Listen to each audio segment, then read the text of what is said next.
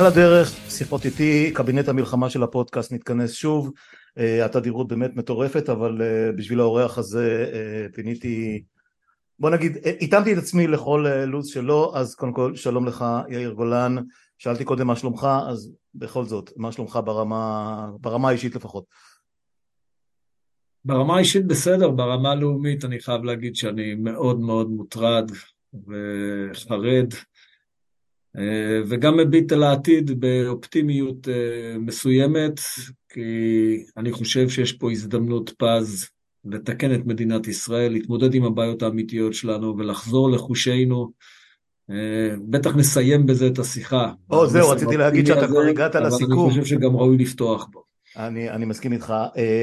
מבקשים ממני הרבה לא להביע את דעתי עד הסוף, כי אני לא, לא נחשב כ...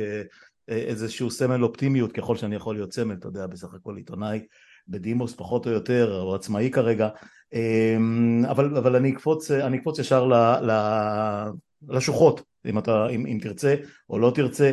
תראה, ביום, בשבת, לפני שלושה שבועות, כמעט שלושה שבועות, אנחנו אה, חמישי עכשיו, עוד יומיים זה יהיה שלושה שבועות, שבעה באוקטובר, יום אחרי יום אה, הירצייט, יום ציון, ציון מלחמת יום הכיפורים, שזה השישה באוקטובר, שנינו היינו צעירים מכדי להשתתף במלחמה ההיא, אה, אבל היא בוודאי ליוותה את כולנו, את כל הדור הזה, כאיזשהו אה, תמרור אזהרה עצום וגדול, אה, מה שנקרא לא עוד, לא עוד, אתה זוכר את המילים האלה, אתה בטח נשאת אותם בכל הקורסים שפיקדת עליהם ובכל התפקידים שעשית, ו- ו- ואז פתאום אה, נופל עלינו משהו שמגמד, לא נעים להגיד, אתה יודע, 2,600 חיילים נהרגו והכל, אבל זה פשוט מגמד ביום אחד מה שחטפנו ב, ב, בשבת הזאת. אה, אני לא מצליח לעכל את זה עדיין, אני מניח שרובנו ככה.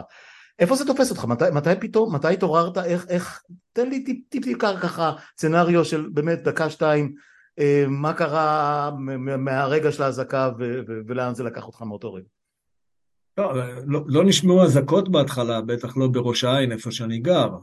אני פשוט מתחיל לקבל אה, ידיעות, אתה יודע, ברשתות זה מתחיל לרוץ, mm-hmm. פותח את הרדיו, שמע, מבין שמשהו מאוד מאוד מאוד יוצא דופן קורה. אז אתה יודע, אתה לא מיד מעכל את זה, אבל ברגע שעיכלתי את זה, אמרתי לרעייתי, אני לא יכול לשבת בבית, לא יכול להישאר בבית. אה, עליתי על מדים, מצאתי את הנעליים במחסן, ואמרתי, במקום לבלבל את המוח למישהו במטה הכללי, והייתי בטוח שיש שם אה, מהומת אלוהים, אני אסע למפקד פיקוד העורף, מה גם שזה בדרך לדרום, אז אה, מה שנקרא, לא נבזבז זמן בכניסה כן, ויציאה מתל אביב. נדמה לי מה, ברמלה או משהו כזה, לא? ברמלה, כן, כן, כן. רמלה די קרוב לכביש 6, אין שום בעיה. ואני מגיע למפקדת הפיקוד, אני מכיר שם כמובן חלק גדול מהאנשים, ומפגש, מבחינה אנושית זה מפגש אה, משמח. אה, עבירה כבדה, ובאמת, אה, אני פשוט לא מאמין למה שעיניי רואות. מחבלים באופקים, מחבלים, מחבלים בלחימה בתוך מחנה אה, מחוז דרום של פיקוד העורף, באורים. זה העורף של העורף, זה, זה, זה רחוק מרצועת עזה, זה, זה נתפס כמקום שהוא הכי בטוח בעולם. אה, ואז אני מדבר עם אלוף הפיקוד, ואני יוצא כשליחו האישי לדרום, באמת לספק איזושהי תמונת מצב, אה, אתה יודע, אישית, בלי שום מתווכים בדרך, אה, חותם על נשק, אה, אפוד קסדה ויורד. מגיע למפקד לאורים אחרי שהקרב שם נגמר, מתחקר קצת את האנשים, עוזר לה בהתארגנות.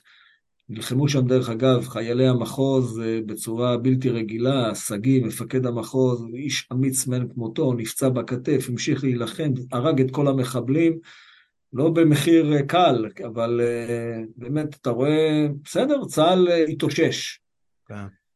אה, ואז אני מקבל טלפון מאחותי שאומרת לי, שמע, חברה של חברה ביקשה שתוציא את הבן שלה. אמרתי, תשלחי מיקום. לא יכול אה, פשוט לסייר בדרום. שולחת לי מיקום, אני רואה שזה מקום שהוא יחסית נגיש, אומנם בלב שדות, אבל אה, אפשר להגיע לשם. אני מכיר טוב מאוד את השטח. אה, כאלוף פיקוד העורף הסתובבתי שם בלי סוף. ואני פשוט אומר, יש כזה כאוס, ושום דבר הוא לא תחת באמת שליטה, וכל התארגנות היא התארגנות מקומית, אני אומר, בכאוס הזה, יאללה, בוא נתרום את מה שאפשר לתרום, מניע את הטויוטה יאריס שלי ונכנס לשטח. ומצליח למצוא אותם, יחד עם עוד מושבניק שאני פוגש בדרך, בחור בשם עוז דוידיאן, גם כן בחור אמיץ מאין כמותו, ואנחנו מוצאים את השלישייה הזאת בתוך משוכת אה, עצי שיטה קוצנית, והם יוצאים שרוטים לגמרי, מפוחדים נורא, ואני מוציא אותם החוצה מעבר למחסומי צה"ל, כדי שיוכלו לחבור לבני משפחתם, והפלא ופלא, אני מקבל עוד טלפון. הפעם מניר גונטה. ניר, כן, ניר. הקולגה שלי, כן. כן, וזה הסבב השני, גם הוא, הוא שולח לי מיקום לא טוב, אבל uh, אני מצליח ככה פחות או יותר, גם אחרי שיחות עם הבן, אני מצליח להגיע אל, לאיזשהו מחסום בפאתי פרדס, אני מבין שהם קצת מצפון לי, אני מתקשר אליו, אני אומר לו, תצא לשביל, הם פוחדים נורא, הם מתחבאים בין העצים. אני אומר לו, תצא לשביל, תסתכל דרומה, תראה רכב עם פנסים דולקים, תרוץ אליי. זה בדיוק מה שהוא עושה. שתי דקות אחרי זה הוא כבר באוטו, אני מוציא גם אותם החוצה. אז אני מקבל עוד טלפון. אתה יכול להוציא, שמע, איזה חבר אה, אמר לי שהבן שלו נמצא איפשהו, ואני נכנס פעם שלישית. עכשיו, כל הכניסות והיציאות האלה, גם אותו מצאנו דרך אגב, אבל כל הכניסות והיציאות האלה, אתה רואה, מה שאתה רואה לצידי הדרך, הוא מזעזע, זאת אומרת, זה גופות זרוקות, אה, גם של אזרחים שלנו וגם של מחבלים. ואתה מבין אה, פתאום מה היו ממדי הקרב פה. אה, כשאני עובר על קיבוץ רעים, אני עוד שומע יריות מתוך הקיבוץ עצמו, אני מבין שגם הקרב שם עוד אה, נמשך. ומצליחים גם להגיע לבחור השלישי שמתחבא ממש קרוב לאתר המסיבה, וגם אותו מוציאים החוצה. בשלב הזה כבר הערב התחיל לרדת, והיה ברור לי שהסיכוי למצוא בחשיכה אנשים הוא לא, הוא לא גבוה, גם לא קיבלתי עוד טלפונים. אז זה, זה פחות או יותר השעות הראשונות מבחינתי. אה, בימים הקרובים נשארתי בדרום, אה, גם לנסות ולהתארגן וגם לנסות ולספק, אה, הייתי אומר, עצה טובה, עצה מהשטח למפקדת פיקוד העורף ולמפקדת האוגדה ולנציג של פיקוד העורף במפקדת האוגדה, וזה, אני חושב, עובד בסך הכל טוב מאוד. אה, אבל אין ספק שספגנו פה מפלה קשה, וכמו כל מפלה צבאית, יש לה נדבכים. יש את הרמה המדינית, ויש את הרמה האסטרטגית, ויש את הרמה האופרטיבית. ומה שאני יכול להגיד בעניין הזה, זה שה... שוב, כמו ביום כיפור, כל הקונספציה קרסה. וה... כשאני מסתכל על הקונספציה שקרסה, זה קודם כל הקונספציה של ניהול הסכסוך. כן, משל הסכסוך זה כמו איזה מוצר תעשייתי שאתה יכול להנדס אותו איך שבא לך. להכניס אותו לתוך המחרטה ולעצב אותו כך או לעצב אותו אחרת. חוסר הבנה טוטאלי שבצד השני יש אויב, שממש לא אוהב אותנו, לכן הוא אויב שלנו. והוא לא מוכן לקבל איזה מין סטטוס קוו שנוח לנו, והחוסר הבנה הזה שאנחנו חייבים כל הזמן להיות בצד היוזם, דווקא כמדינה חזקה, כמדינה בטוחה בעצמה. אנחנו מתנהגים כמו, סלח לי, כן, כמו, כמו אנשים חסרי ביטחון, כמו, כמו יהודים בגולה, אתה יודע, בראשית המאה ה-20. אתה אומר לך, איך זה יכול להיות שאנחנו במקום לקחת יוזמה בזירה הפלסטינית, אנחנו פשוט מנסים לנהל סכסוך, והצד השני מסתבר לא רוצה להתנהל.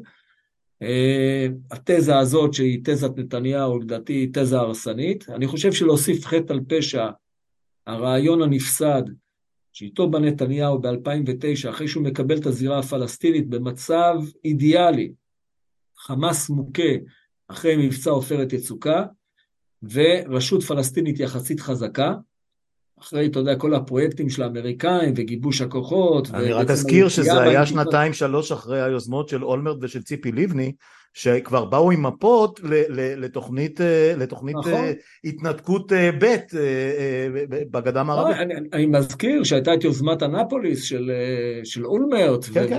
והגיעו לאיזה שהם דברים, במקום לקחת את זה ולהמשיך הלאה, אז הוא נכנע לימין הקיצוני, לימין המשיחי שרוצה לספח לתוכנו מיליוני פלסטינים, ולמעשה מחליש את הרשות הפלסטינית, דה פקטו מחזק את חמאס כי הוא לא רוצה להתמודד איתם, במקום להמשיך את המאמץ ההתקפי, את הלחץ ההתקפי, כל הזמן על המרחב שבו נמצא חמאס אה, בעזה, ולנצל את ההישגים של אה, עופרת יצוקה עד תום, אז אנחנו נכנסים למצב שהוא בעצם הפוך לאינטרס הישראלי.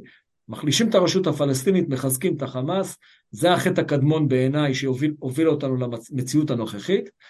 אה, לאחר מכן, אה, אנחנו מגיעים בעצם לחוסר היצ... לשנים האלה של החוסר יציבות הפוליטית, שנפתח, שנה, זה נפתח בעצם ב-2019, ולהוסיף חטא על פשע, אה, הקמת הממשלה הנוכחית בדצמבר שנה שעברה, תוכנית הרפורמה המשפטית, ההפיכה המשטרית מינואר, ומפה ואילך אנחנו נכנסים לתהליך של הרס עצמי, שבאזור המסוכסך שלנו, באזור האלים שלנו, מיד, מיד, מיד נקלט על ידי אויבינו. אנחנו כאילו לקחנו את הבית הישראלי ושמנו שלט ענק על הגג, מיועד להריסה. כן. וכל המרחב ראה את זה, כל המרחב הבין את זה, והנה התוצאה הנוראה שכמובן מתלבשת על קונספציה צבאית שגויה, ובמרכזה אז... אפשר לשבת על הגבול רק עם מאמץ הגנתי, לא לתקוף זה אפילו לא הגנתי, להשאיר בוא, לו את היוזמה אני, מתחילתו, מתחילתה אני, ועד סופה, אני, אני התוצאות הן לפנינו. אני מסכים איתך, אני, אני רק אה, אה, מבקש לא לעשות אה, לשנינו חיים קלים מדי בקטע הזה של אה, של ה... של ה... אתה יודע, אה, דילגת מהקונספציה המדינית אה, פוליטית, שהכל מתערבב פה כמובן, כמו שקיסינג'ר אמר, לישראל אין מדיניות חוץ, רק שיקולים פוליטיים פנימיים, אה, אבל תשמע, הצבא, אה, ואתה היית חלק ממנו עד לפני מה, שבע, שמונה שנים, אה, משהו כזה, התאהב בפוזה של ה... אה, בעיניי, תקן אותי כמובן אם אני טועה, של, של אה, אנחנו הרבה יותר מתוחכמים, אנחנו הרבה יותר דיגיטליים, אנחנו הרבה יותר הייטקיסטים, אנחנו יש לנו 8200 ויש לנו בלונים ויש לנו תצפיות ויש לנו וידאו ויש לנו רחפנים ויש לנו גדר, מה, אני זוכר את אה, חנוכת הגדר הזאת, נתניהו בא 80 מטר באדמה כמו, כמו שהגשש אומר ו, וברזל מעל האדמה ו, וסתמנו את המנהרות, המנהרות אתה זוכר זה היה איום קיומי ובלוני התבערה היה איום קיומי רק שבצד שכחו שיכול, אתה יודע, כל אחד יכול לבוא עם שופל אם, אם, אם אף אחד לא יעצור אותו ויקח את הגדר הזאת וימשיך הלאה. עד כמה, אה, אה, ובאמת אתה פה, אה, בוא נגיד חף מפשע לפחות בשמונה שנים האחרונות, אה, אז אין לי טענה ספציפית אה, לאף אחד, אבל אני, אני, אני זוכר את דברי הרב על, על הצבא הקטן והקומפקטי והדיגיטלי והאנלוגי והעבר וזה וזה וזה וזה וזה בסוף בסוף בסוף בשבעה באוקטובר לא היה צבא על הקו איך אתה כמי שהיה שם 35 שנה או כמה שזה לא יהיה מסביר את, ה, את הדבר הבלתי נתפס הזה איך, איך זה ייתכן? שוב קונספציה. אבל הצבא הוא צבא, הוא צריך, הוא צריך, כן, אבל, הוא אבל... צריך לעמוד בכוננות, החייל הוא עם נשק, אתה יודע, איפה המגיסט, איפה, איפה, איפה הטנק בעמדה, איפה מחלקת הטנקים, פלוגת הטנקים, איפה הם היו? אני, אני, אני זוהם, אז אני מפנה את זה אליך. בוא, בוא, בוא אני אסביר, אני אסביר את העניין הזה. הרבה יותר חשובה, הרבה יותר חשוב מטכנולוגיה, והרבה יותר חשוב מאמצעים כאלה ואמצעים אחרים, ומרובוטים, ומכל מיני, אתה יודע, קשקושים שעולים הרבה כסף, אבל לאו דווקא תורמים לביטחון. צריך להבין את השגיאה הצבאית הבסיסית. ייצרנו מול חמאס מערכת מאוד שקופה. הוא הבין בדיוק כל רכיב במערכת. הוא רואה את הגדר, הוא רואה את המגדל, הוא רואה את האמצעי תצפית על המגדל ואפילו את המקלע הנשלט. יכול לסייר בשטח ולהגיד איפה יש שטח מת, איפה יש שטח חי. הוא אתגר את הגדר, אני מזכיר את ההפגנות על הגדר, ממש, בדיוק ממש, חודש, חודשיים רצוף לפני האירוע. וכמה גרם TNT צריך בשביל להעיף את זה לכל הרוחות. ייצרנו לו מערכת שאין בה שום מימד של אי ודאות. יצרנו בעצם מערכת שהוא יכול לפעול בתנאי ודאות מלאים מבחינה מבצעית. למי שרוצה לתכנן פשיטה, זה פשוט הדבר הכי טוב בעולם. אין הפתעות. והמערכת הזאת שנייה, אני קופץ רגע אחד מטר קדימה, זה לא הרבה יותר מזה, הרי זה מרחקים מצחיקים, הייתי בכרם שלום, מילואים, מכיר, מכיר גם את האזור הזה בכלל, בכלל לא רע, זה הקו האחרון, זאת אומרת יצא מצב, אתה יודע, אתה בוודאי מכיר את זה לא טוב ממני, והכל של קווי הגנה וקווי שליטה וקווי גיבוי, יצא מצב שהגדר, חתיכת ברזל הזאת, אפילו בלי תעלות נ"ט, בלי שום דבר, סתם גדר בחול, זה לא משנה. הקו האחרון, קו ההגנה האחרון, מה זה? זה לא משנה, גם אם היו תעלות נ"ט, אז הוא היה מוצא את הדרך לחצות את תעלות נ"ט. אני מסכים איתך, אבל אני סתם לא- זרקתי את זה כטנקיסט, אתה יודע, אוקיי. אתה לדעתי קצת מחמיץ את הנקודה. אוקיי. הנקודה היא פשוטה. א', ייצרנו מערכת שהיא שקופה לגמרי לאויב, ולכן הוא בנה פשוט את המענה המבצעי הנוח בזמנו הפנוי. והדבר השני, הוא לא היה תחת לחץ. כל מה שהוא עשה, הוא עשה באין מפריע. הרי גם כשהגבנו, גם כשהפצצנו בעזה, זה תמיד כתגובה לדברים שהוא עשה. נכון. לא יזמנו שום מהלך התקפי. אנחנו כל הזמן בהגנה, בהגנה, בהגנה, ולא מנצחים בהגנה. ומולנו נבנה אויב, שהוא לא הולך איתך, גם אנחנו לא חתרנו לזה, לא רצינו להגיע איתו לאיזה הסכם, למה שנקרא לעגן את זה באיזה משהו מדיני, אנחנו בזים למהלכים מדיניים, אנחנו רוצים מה שנקרא כוח כוח ורק כוח, אה, לא שהוא אויב פשוט או אויב קל, אבל לא יצרנו שום לחץ כדי באמת להגיע למשהו שהוא מדיני, ואני חושב שהיינו צריכים בנושא הזה לנקוט בצעדים מאוד דרסטיים, כן? אין שום סיבה שאפילו נספק את הצרכים ההומניטריים של עזה, אם הוא לא מוכן לבוא איתנו לאיזשהו משהו שהוא מבטיח ביטחון לתושבי הדרום. קנינו את כללי המשחק הזה כי היה לנו נוח, ייצרנו מערכת שאין בה למעשה שום רכיב התקפי, אנחנו יודעים שגם בהגנה פעולות התקפיות הן חיוניות, ודרך זה נתנו לו פשוט לבנות את הכוח ולהכין את התוכנית המבצעית מול מערך שמבחינתו הוא שקוף לו לחלוטין. ואז הוא בנה את הרכיבים המבצעיים שנותנים לו את המענה מול כל דבר שהוא ראה מולו, וההמשך ידוע. עכשיו מכאן והלאה זה רק שאלה של היקף. הוא היה יכול לתקוף, אתה יודע, לפשוט עם 100 איש, עם 200 איש, עם 500 איש, הוא פלשת עם 2,000 איש. לגמרי. זה התוצאה. לגמרי, לגמרי, זה היה, זה היה אה, מעטים מול, מול רבים ברמת אה, קרב סן סימון כמעט, זה, זה, זה, זה בלתי נתפס, אה, אה, אתה יודע, כשאנחנו חושבים על, אה, אפילו על יום כיפור, אז אתה יודע, זה היה צבא מול צבא, הצבא היה ממוגן, יחסית, אה, אה, גם אם הציוד היה מיושן ומוזנח, פה אזרחים, ילדים, תינוקות, זאת אומרת, הרמת ההזנחה הישראלית, אה, ושוב, זה כמובן קונספציה מדינית ופוליטית, אבל גם, אה, אבל גם צבאית, איך אפשר היה לצפות שה, שה, שהאנשים הבאמת מסכנים האלה יוכלו בכלל להגן על עצמם? אה, אבל טוב, שוב, השאלה, השאלה היא לא איך זה קרה, כי לאורך כל ההיסטוריה, אנחנו, אני יכול להביא שפע דוגמאות להפתעות קולוסליות מהסוג הזה שהביאו אסון על העמים המופתעים. כן? זה, זה, זה בכלל, אני חושב שזה... הסוס, הסוס של טרויה זה אולי הדוגמה הקלאסית. דרך אגב, וזה תמיד חוזר לאותו עניין של קונספציות שגויות וניסיון להקפיא את ההיסטוריה ולחשוב שהאויב יציית לרצוננו להקפיא את ההיסטוריה. זה, זה בסופו או יותר הייתי אומר, אין פה שום דבר חדש מהבחינה הזאת. הדבר האמיתי שאיתו אנחנו צריכים להתמודד עכשיו זה מה עושים הלאה. זה ברור. וישראל נמצאת במערכה הזאת במצב הקשה ביותר האפשרי. אחד, 220 בני ערובה שנמצאים כן, בידי חמאס. העדכון, מהשעה האחרונה, 224, כן. לא תמיד יודעים מי חי, מי מת, כן, מי ברור, אולי ברור איפשהו זרוק בשטח ומי נמצא בידיו של חמאס, אז אני אומר כ-220. כן. ולא, באמת המספר המדויק הוא לא החשוב, אלא העובדה שיש פה כמות גדולה מאוד של שבויים בידי חמאס, חטופים בידי חמאס, ואנחנו מוסרית ועניינית חייבים לשחרר אותם כדבר, הייתי אומר כנושא שהוא בסדר עדיפות עליון במערכה הזאת. המערכה הזאת תימשך עוד שנים, לכן קודם כל צריך לשחרר אותה. הדבר השני, אי אפשר להיכנס למערכה ולצפות לנצח בה עם הממשלה הזאת. אנחנו צריכים להגיד את זה.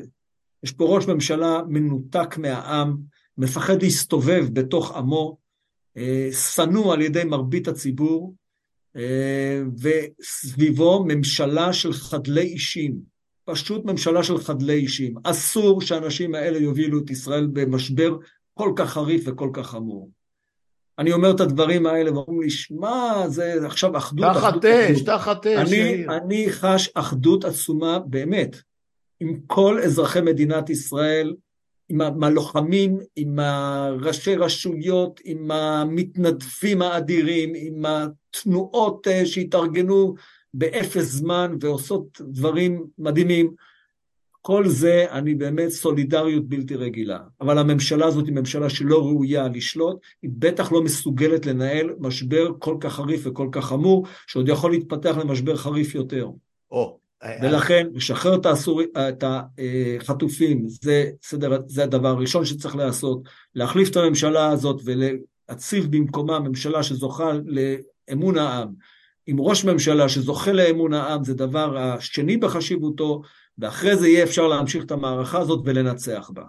לא קרה שאומה אי פעם בהיסטוריה ניצחה מערכה כאשר מי שעומד בראשה הוא אדם שנוא על העם, חדל אישים, ובאמת אה, זה, בלתי אפשרי, אנחנו צריכים להכיר בעובדה המצערת הזאת, אם לא נפתור את הבעיות הפנימיות שלנו, לא נצליח לפתור את הבעיות החיצוניות שלנו. מסכים איתך במאה אחוז, אני צורח את זה מהשנייה הראשונה, אנשים התווכחו איתי אה, אתמול בנאום, הנאום, הצהרה, הצהרה במעמד חד צדדי. אה, הוא אה, התחייב שהוא בכלל, הוא יציל, הוא, הוא אחראי על העתיד, על העבר הוא בכלל לא לוקח שום אחריות, אני אפילו לא מצפה שהוא ייקח אחריות, כי, כי אדם חסר אחריות אין מה לצפות שייקח אחריות, אבל אני חושב שבעניין הזה אנחנו מסכימים. תראה, אתה הסתובבת, ב, דיברנו לדעתי, אה, בפעם האחרונה זה היה ממש ערב או, או בתחילת הכהונה של הממשלה האיומה הזאת, או רגע לפני שהממשלה הקודמת נפלה, אתה כבר היית בהתארגנות פוליטית וחברתית חדשה אחרי שמרצ לא נכנסה אה, לכנסת האחרונה. אה, והסתובבת הרבה מאוד בשטח, אני יודע את זה, אני, אני עוקב. אה, ו, ואתה מנסה להקים את ה... נקרא לזה הענק, הענק הישן, הרדום, המורדם מרבצו כמיטב כוחותיך וכן הלאה.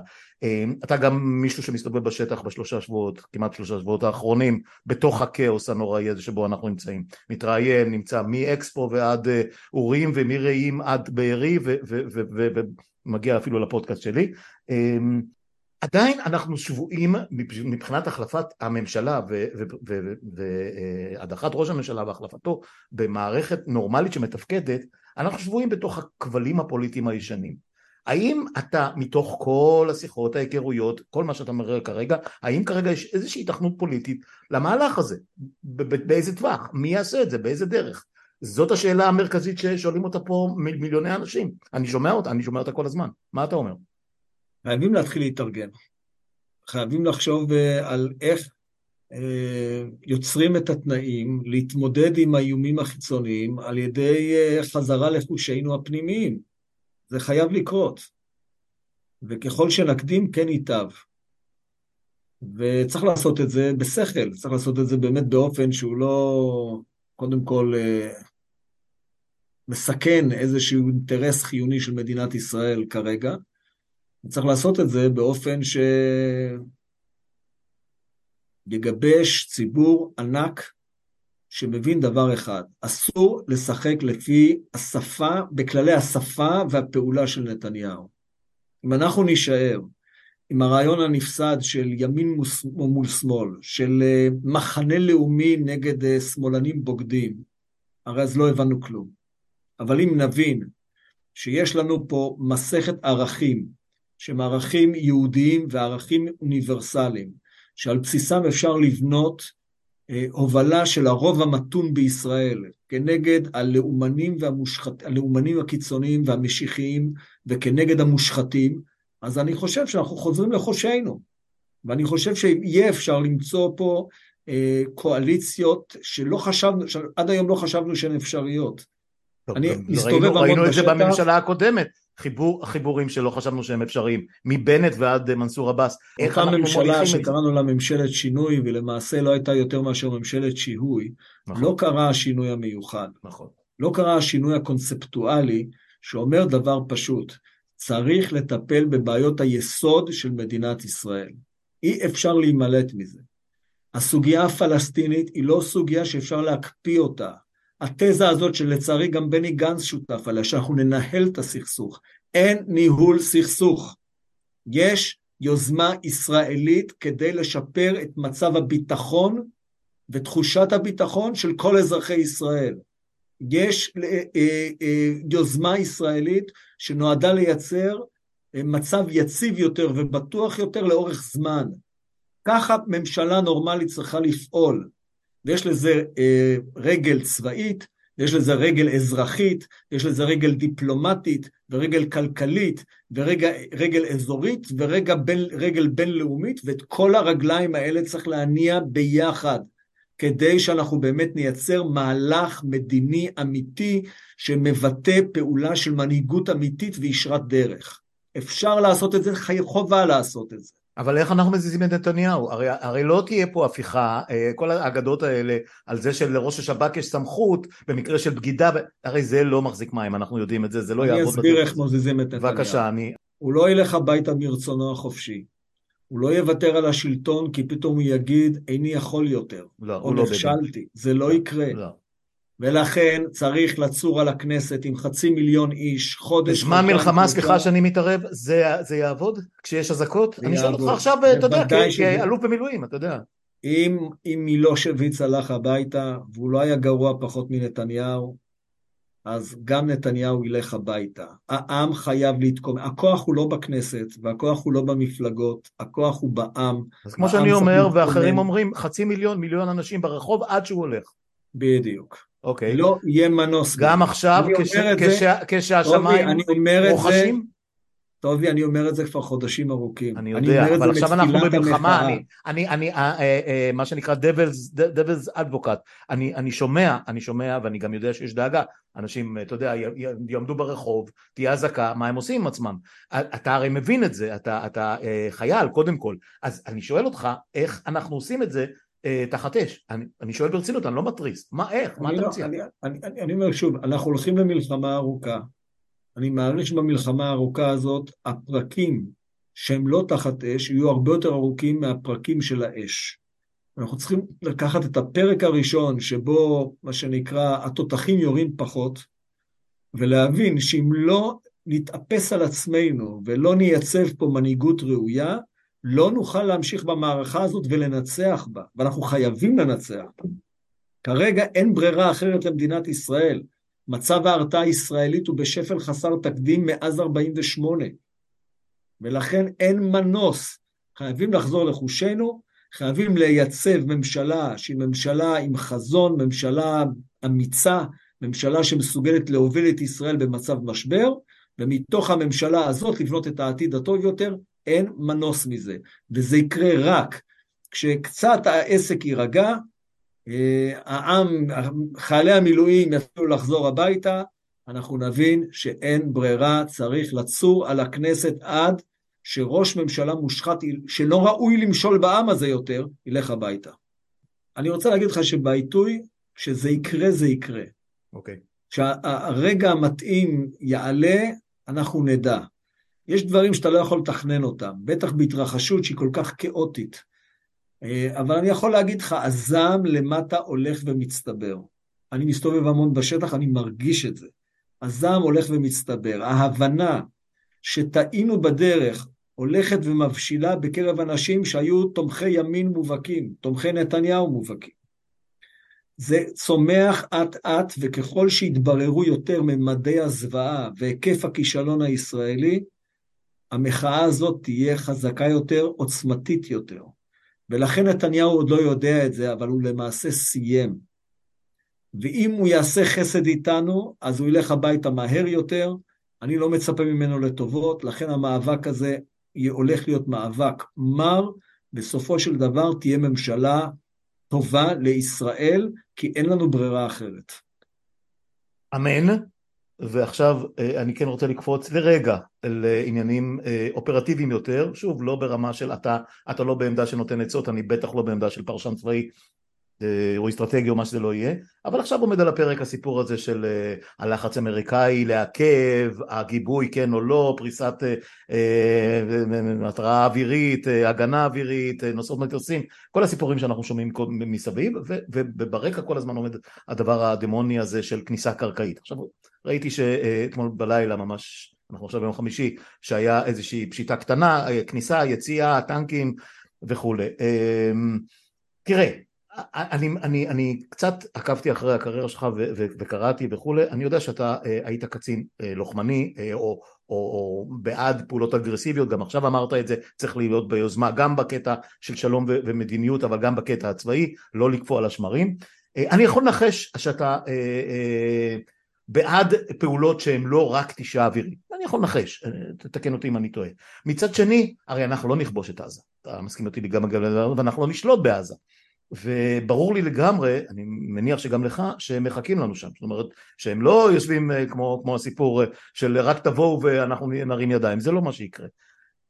איזה אמצעים צבאיים, ובלי להסגיר סודות ובלי שום דבר כזה, אבל באמת ברמה, ברמת אה, מאקרו, איזה אמצעים צבאיים יש לנו בכלל אה, אה, לנקוט בהם כרגע אה, בשביל לשנות את המשוואה הזאת, חוץ מאשר עוד קטישה ועוד קטישה ועוד קטישה, הרי כניסה קרקעית לא תשנה במהות את הסיפור הזה, מה אתה היית עושה כרגע? תראה, אני, אני חושב שלהתייחס לזה בפרוטרוט זה לא... לא, לא, כללית לגמרי, כמה שאתה יכול כללית. אני אתן דוגמה כדי שהעסק הזה יהיה מובן. אה, ב-2009, ראשית 2009, סוף 2008, מבצע עופרת יצוקה, הרמטכ"ל הנוכחי, אה, הרצי הלוי, היה מפקד חטיבת הצנחנים. ומשימתו אז הייתה להיכנס למעשה לאורך החוף ולהגיע לאזור של אה, הטטרה, אה, מהר ככל שניתן. והוא מצא את השיטה, אני לא אכנס בדיוק למה היה שם, אבל הוא מצא את השיטה, למרות שגם אז חמאס היה ערוך וזירת הלחימה הצפויה הייתה ידועה, ואתה רואה שבתבונה טקטית אפשר לעשות המון. והרצי הוביל שם את חטיבת הצנחנים באמת באופן שאני מוריד את הכובע. יצא לי לבקר אותו, הייתי אז אלוף פיקוד העורף, יצא לי לבקר אותו, להגיע ממש לעמדות הקדמיות של החטיבה, ואני אומר לך חד משמעית, אפשר לעשות המון דברים. ופה צריך לסמוך על התבונה הטקטית של המפקדים בשטח, ונראה לי שהם נערכו טוב, התוכניות מוכנות היטב, את חלקן יצא לי אפילו לראות אה, בשבוע הראשון, ואני חושב שהכיוון הוא נכון, צה"ל ידע להביא את ההישג הצבאי. אבל להיכנס למלחמה שלא ברור בכלל מהי התכלית המדינית. או, אין, אין יעדים. מה רוצים להשיג? נפעיל את המכונה הצה"לית במלוא עוצמתה, ובוא נניח שזה לא רק יפעל בכישרון, אלא גם שהיקף הנפגעים יהיה נמוך מהצפוי. ומה הלאה? ומה הלאה? לאן זה לוקח אותנו? בדיוק. אה, על כל זה אני שם גם את המגבלה של החטופים, שהיא מגבלה אתה מבין גם את פשר האיסוף והסכנה, ל... והסכנה לעימות רב חזיתי, גם זה סיפור. כן, אז אני אומר, זה מסביר גם את פשר ההמתנה הארוכה הזאת שאנחנו חווים ב... בימים האחרונים, ואני חושב שבאמת ה... ה... כדי שמעשה צבאי יהיה מוצלח, אז אני שם בצד את מגבלת החטופים, שהיא מגבלה כמובן דרמטית, mm-hmm. ייגמר אחרי שבוע, שבועיים, שלושה, הלאה. מה הלאה, דרך אגב, גם מהבחינה הצבאית וגם מהבחינה המדינית. אבל המד... הרמה המדינית בכלל לא כשירה כרגע להציב יעדים לאומיים ולהגיד לאיפה אנחנו רוצים להגיע. נמוטט את, הכ... את הזרוע הצבאית של החמאס, ומה אחרי זה? מה אחרי זה? אה, מה אנחנו בונים במקום? אמרת משהו, אמרת משהו והמשכת מה אחרי זה, אני עוד לא כל כך רואה איך ממוטטים את, ה, את היכולת הצבאית של הזרוע הצבאית של החמאס, אני, לא אני כל אומר כך שוב, תראה, בחומת מגן, אנשים שוכחים את זה, ששת השבועות הראשונים, שזה כאילו החלק הארי של המבצע, אה, באמת הביאו הישגים עצומים, אבל זה לא הביא את ההישג הסופי. כדי להשקיע להישג הסופי של הורדת רמת הטרור והפרות הסדר לרמה שלפני האינתיפאדה, זה לקח לנו עוד חמש שנים. האינתיפאדה השנייה הסתיימה ב-2007, הייתי אז מפקד יהודה ושומרון. רק אז הורדנו במחצית 2007 את רף הטרור והפרות הסדר מתחת לרף שהיה עוד לפני פרוץ האינתיפאדה. זה היה גם במקביל להשלמה, להשלמה המסיבית של הגדר. אז יפה, אז לא צריך להבין, אני אומר את זה כאן אצלך בפודקאסט, ואתה יודע, לקהל הרחב, כן. כדי שנובן שאנחנו נידרש עכשיו לשנים של מאמץ התקפי, בהיקפים משתנים, ברחבי רצועת עזה, זה לא ייגמר בן לילה, לא ייגמר בן יום. Mm-hmm. ולכן גם צריך לתחם את המערכה ולהציב את היעדים באופן ברור, ואני חוזר לראשית שיחתנו, לא ניתן יהיה לנהל מערכה כזאת ארוכה עם ממשלה שלא זוכה לאמון העם. ולכן הנושא הפוליטי הפנימי במידה רבה מאוד, מקדים את המעשה הצבאי, ואני אומר לך, במעשה הצבאי, אני מכיר את מפקדי צה"ל, יש מפקדים טובים, גם אחרי הכישלון הנורא הזה, יש מספיק מפקדים טובים שיוכלו להוביל מערכה באופן מוצלח, אבל חייב להיות דרג מדיני שגם מגדיר בצורה נכונה ומאוזנת את המטרות של המלחמה, וגם ידע לקחת את ההישגים של המעשה הצבאי ולתרגם אותם להמשך אה, עשייה אה, מדינית ולמען ביטחון כל אזרחי ישראל. אז פעם שנייה אני אגיד אמן, אמן ואמן, ומכאן אני קופץ איתך ליאיר גולן הפוליטיקאי, המנהיג, תקשיב, אה, אתה בטח שומע את זה הרבה, אז אני אגיד את זה גם, גם ולמרות שבוודאי לא שמעת אה, את זה אצלי לראשונה, אתה כרגע מסומן בעיני רבים מחבריי, מכריי, אה, עוקביי, אנשים שאני מדבר איתם, כתקווה, התקווה הפוליטית הבאה להביא אה, פוליטיקה אחרת, להביא מנהיגות אחרת.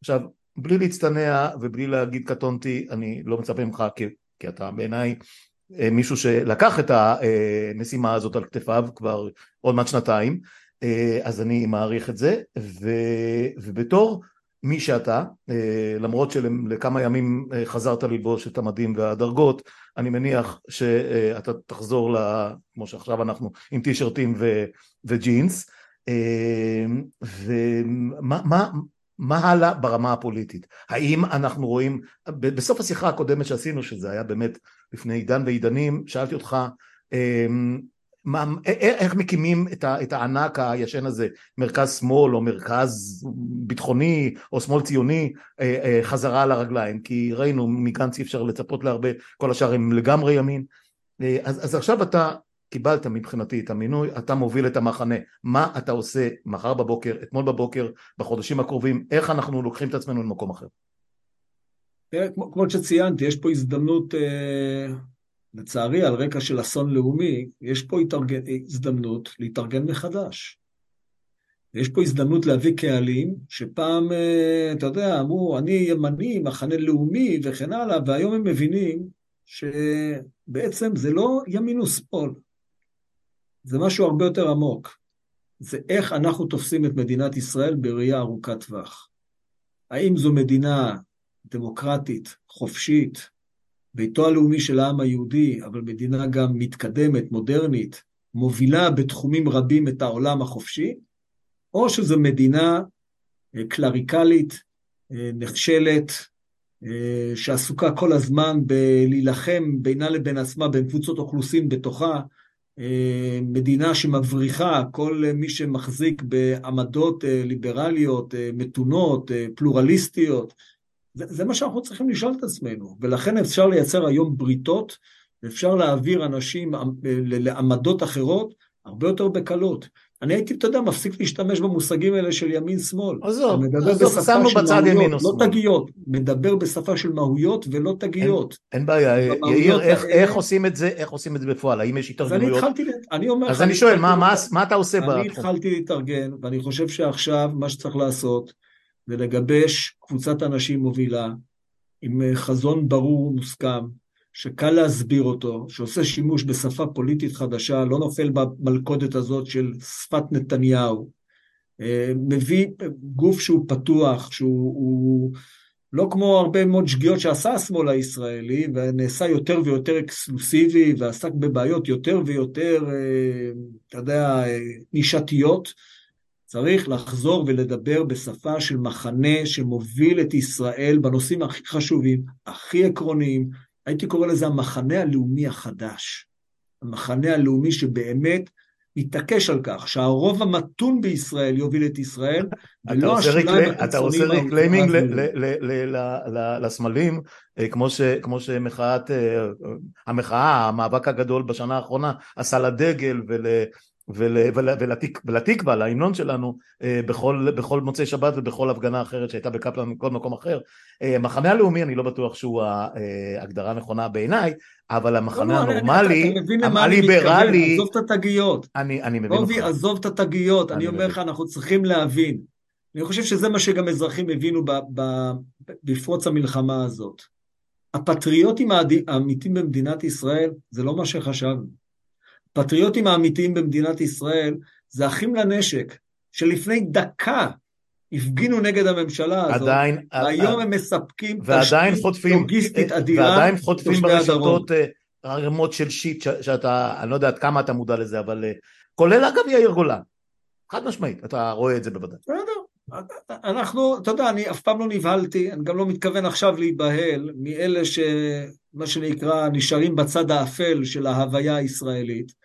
אה, צריך אה, למזער אותם ככל שרק ניתן, לדחוק אותם לשוליים ולתת לרוב המתון, הרוב הדמוקרטי, הליברלי, הפלורליסטי, שדרך אגב לא, לא, לא נבהל משונויות בתוך החברה הישראלית, אבל יודע גם לייצר מתוך השונות הזאת דברים שמלכדים פה את כל העם, ולהתחיל לדבר, לדבר בשפה הזאת, שיש יעדים ברורים, לא מכסים על הנושאים האידיאולוגיים, להפך, תוקפים אותם ומדברים עליהם בריש גלי.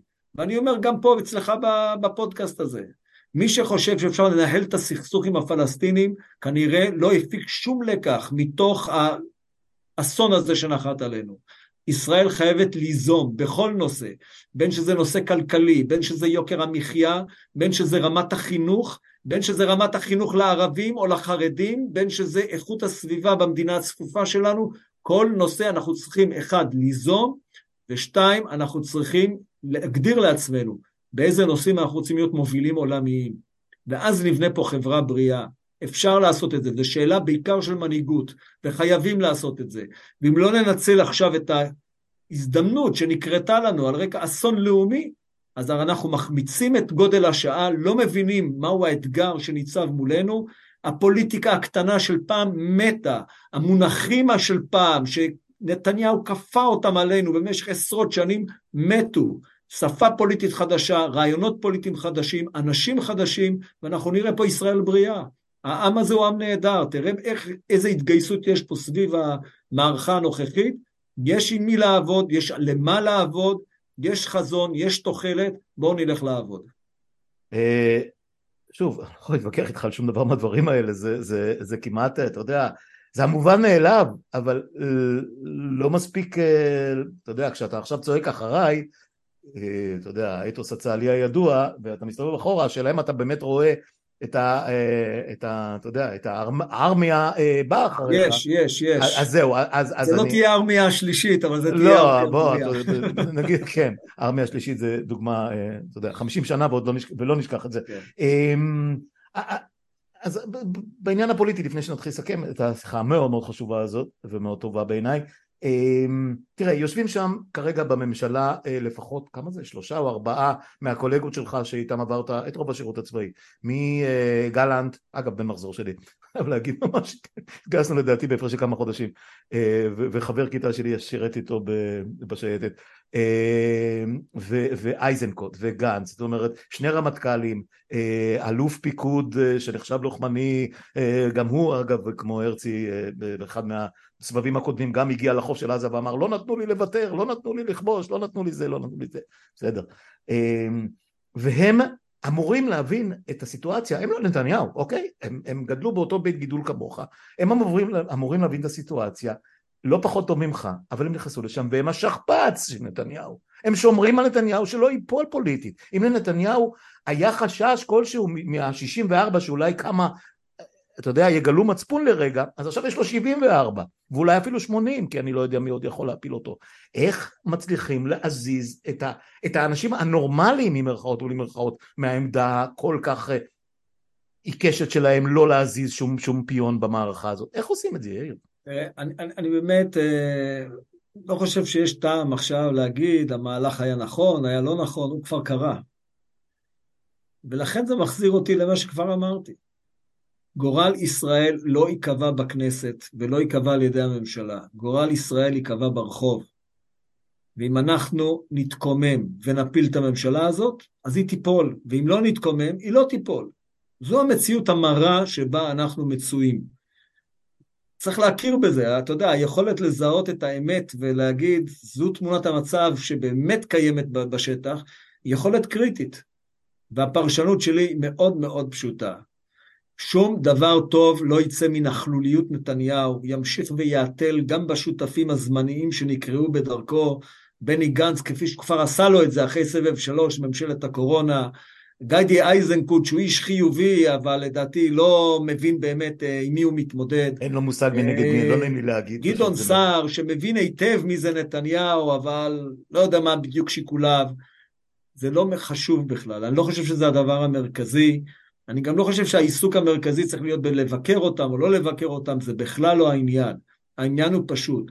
לא נתניהו ולא שותפיו, שדרך אגב הוא לא נפטר מאף אחד מהם. בוודאי. הוא לא הקים ממשלת אחדות. גם לא הקים קבינט, קבינט אחר. יהודי. הקבינט שהוא הקים הוא לא... קבינט המלחמה הזה הוא לא קבינט בכלל. לא ממשלת נתניהו ולא נתניהו עצמו יביאו לנו את הגאולה ואת הישועה. ולכן הם צריכים ללכת הביתה, וככל שיקדם, כן ייטב. כדי להתחיל את מלאכת תיקון מדינת ישראל, שזה מה שאנחנו נדרשים עכשיו, חייבים להחליף את הממשלה הזאת ואת העומד בראשה. אוקיי, okay, שאלה אחרונה, אה, שאיתה גם סיימנו את השיחה הקודמת שלנו, אה, ואני שאלתי אותך אז, ואני אחזור לדעתי פחות או יותר באותן מילים בדיוק. מחר, בעוד שבוע, בעוד חודש, יש בחירות. הנחה, והרי זה יגיע, זה ייפול אלינו, אולי אפילו ביוזמת הסמוטריצ'ים, שמנסים לתפוס את נתניהו בחולשתו ולנצל את המצב. לא משנה איך. מתישהו, ברבעון הראשון של 2024, יהיו בחירות בדרך כזאת או אחרת. האם כל האנשים שאתה דיברת עליהם, כל הדברים שאתה עשית בשנה האחרונה, שנתיים עוד מעט, אה, אה, בלארגן את הכוחות הנורמליים, השפויים, לא ימין, לא שמאל, מה שתגיד, האם אנחנו נלך לבחירות עם, עם גוף פוליטי שייצג אותנו, אותי ואותך, אני בא לצורך העניין מהשמאל, אתה בא מהביטחוניזם, לא משנה מה, אה, מרץ מה שנשאר, עבודה מה שנשאר, מרכז לפידי, אה, אה, גנצי ככל שאפשר, האם נוכל ללכת לבחירות בידיעה שהקול שלנו לא הולך לפח ושאנחנו בוחרים באנשים הנכונים? איך אתה רואה את זה? זה הרבה יותר פשוט ממה שנדמה. בין המפלגות הערביות לבין יש עתיד צריכה להיות מפלגה אחת בלבד. ואני אומר לך, אני אעשה הכל, הכל מה שנדרש. כולל, אתה יודע מה, אם אני צריך לעזוב בשביל זה את הפוליטיקה, גם את זה אני אעשה. אבל תהיה רק מפלגה אחת. והיא צריכה להיות מובלת על ידי האדם המתאים ביותר להוביל את המפלגה הזאת. והיא יכולה להיות כוח פוליטי משמעותי מאוד במדינת ישראל, והכוח הזה יחולל את השינוי. כי זה מה שאנחנו צריכים. ישראל לא צריכה עוד ימין ימין מלא על מלא, ישראל לא צריכה מרכז שמאבד את עצמו לדעת ומסרב לנקוט עמדה בסוגיות הכי חשובות למדינת ישראל. ישראל צריכה גוף פוליטי עם חזון, עם אנשים טובים, עם גיוס משאבים נכון, וככה אנחנו נחזור לחושינו. אפשר לעשות את זה, חובה לעשות את זה. אני מתכוון להיות שם, אני התחלתי לעבוד. מי שרוצה מוזמן להצטרף, אני יכול להשאיר מספרי טלפון שלי, של עוזריי, אבל צריך להתחיל לעבוד. נעבוד נכון ונעבוד מהר ונעבוד בקולגיאליות, בחברות גדולה, מה שלא תמיד אפיין את המחנה שלנו. נדע לעשות את זה, באמת השמיים הם הגבול, ניתן לחולל שינוי, יש לנו עם נהדר. אני באמת, אני מסתובב כל כך הרבה ופוגש אנשים מופלאים בשטח, בואו נביא לכך שלעם הנהדר הזה תהיה גם מנהיגות ראויה.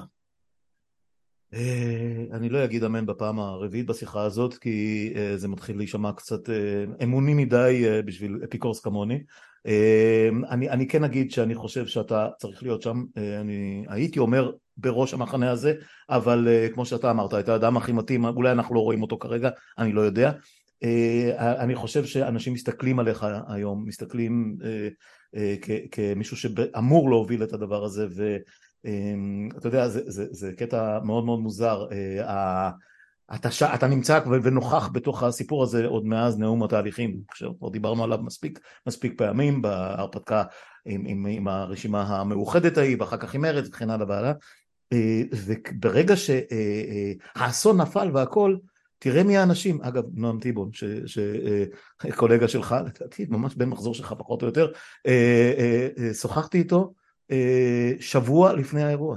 הוא התארח פה שבוע לפני האירוע הנורא הזה. זאת אומרת, איך, איך הדברים מתגלגלים.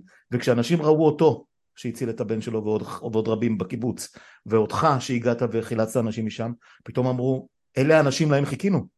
אה, שזה, אתה יודע, זו סיסמה שהופרחה בשנים האחרונות מבלפור דרך קרגורן, דרך, דרך אה, קפלן והכל, אבל פתאום אנחנו רואים ש, שאפשר לעבוד, ואם יורשה לי הרבה מאוד מהדור שלי ומהאנשים שאני מכיר ו... ושואלים אותי מה הולך להיות ומה העיר וכולי וכולי? אז אני אומר יש אנשים טובים כמו שאתה אומר השאלה אם אפשר יהיה לגבש אותם להביא אותם ולהפוך אותם לגוף כמו שהוא צריך להיות. אה, אני חושב שהרבה אנשים מסתכלים עליך ואומרים כן זה אדם, זה אדם שיכול לעשות את החיבור הזה אה, אני מקווה שתיקח את האתגר הזה ותרוץ איתו קדימה אה, את האתגר, טובי, את האתגר לקחתי כן ואני אומר לך אנחנו נעשה דברים טובים וגדולים ואני חוזר ואומר, צרו איתי קשר, נהיה בקשר. אני מבטיח להציף אותך בכל מי שיתעניין, הוא מקבל את המספר שלך. הוא מקבל את המספר שלך, כמו, ש, כמו שאני לא מתבייש אה, לכתוב לך מתי אתה בא, מתי אתה בא לשוחח איתי פה, כי בסך הכל אנחנו צריכים להדהד את הדברים האלה ככל, ככל האפשר. אמ, עניין אישי אחרון, ממש ממש שאלה, שאלה ותשובה אחרונה. אתה תיארת לעצמך שתמצא את עצמך בפתאום שבע, שמונה שנים אחרי השחרור, אחרי שעברת בבקו"ם, באופן סמלי, אני לא מניח שעברת ממש בבקו"ם, אבל לא חשוב, אה, אה, פתאום במדים, עם השם שלך על הזה ועם התג יחידה שאין לי מושג אפילו מהו, מה זה, הפיקוד העורף, והדרגות של אלוף, ככה, עם חג שמחת תורה כזה, מסתובב בשטח וכאילו איך הייתה התחושה הזאת פתאום להיות במדים ולא ייצוגיים ולא באיזה טקס אלא פתאום חזרה בתוך התופת תן לי משפט אחד שמסכם את התחושה הזאת. לא, אני מבין, פתחנו בזה ונסגור עם זה. בדיוק. אז אני יכול להגיד לך רק דבר אחד. רעייתי, אחרי איזה כמה ימים שחזרתי על מדים, היא אומרת לי, אתה יודע מה, במדים אתה נראה טוב יותר. או, אני מכיר את זה, אני מכיר את זה מהצד השני, שתמיד, אה, אתה במקרה שלך אתה רזה, וזה, אתה, זה לא, זה לא מאפיין כל כך, אבל הרבה מאוד אנשים שנראו, אם זה שוטרים, אם זה חיילים, אם זה קצינים, אה, ש, שיורדים מהמדים והופכים להיות פוליטיקאים והכל, וואו, הוא הזדקן במכה. אתה יודע, יש משהו ביוניפורמס, בדבר האחיד הזה, שהופך את כולנו למישהו אחר ברגע אחד. אז אה, זה, זה בדיוק מה, ש, מה שתיארת כרגע. אה, טוב, אבל אני מניח שאתה שמח לרדת חזרה לטישרט ואולי לחליפה והעניבה באיזשהו שלב. כל דבר, מה שנקרא, כל דבר בעיתו, אני חושב שהיה נכון להתגייס, נכון להמשיך את הפעילות האזרחית. יש לנו צבא מצוין, למרות המכה שספגנו, יש לנו עם מצוין, יש עם מה לעבוד, חייבים להביט אל העתיד באופטימיות, וחייבים לעבוד קשה מאוד בהווה כדי לחולל את השינוי וכדי להכין אותו לעתיד לבוא. אז אה, קדימה לעבודה. קדימה לעבודה, אני מבטיח, אה, אה, אני משוכנע שאני אשלח אליך אנשים ואתה תהיה נחמד אליהם, כי אנשים באמת רוצים לתרום ולעשות ולהיות חלק מה, מהמהלך הזה. אני מבטיח להיות פה בשביל לתעד ולסקר את זה, זאת שיחה לדעתי שלישית אפילו רביעית בינינו, אני כבר לא זוכר, שנתיים וחצי לך תדע, אבל היא לא, היא לא אחרונה כי נראה לי ש...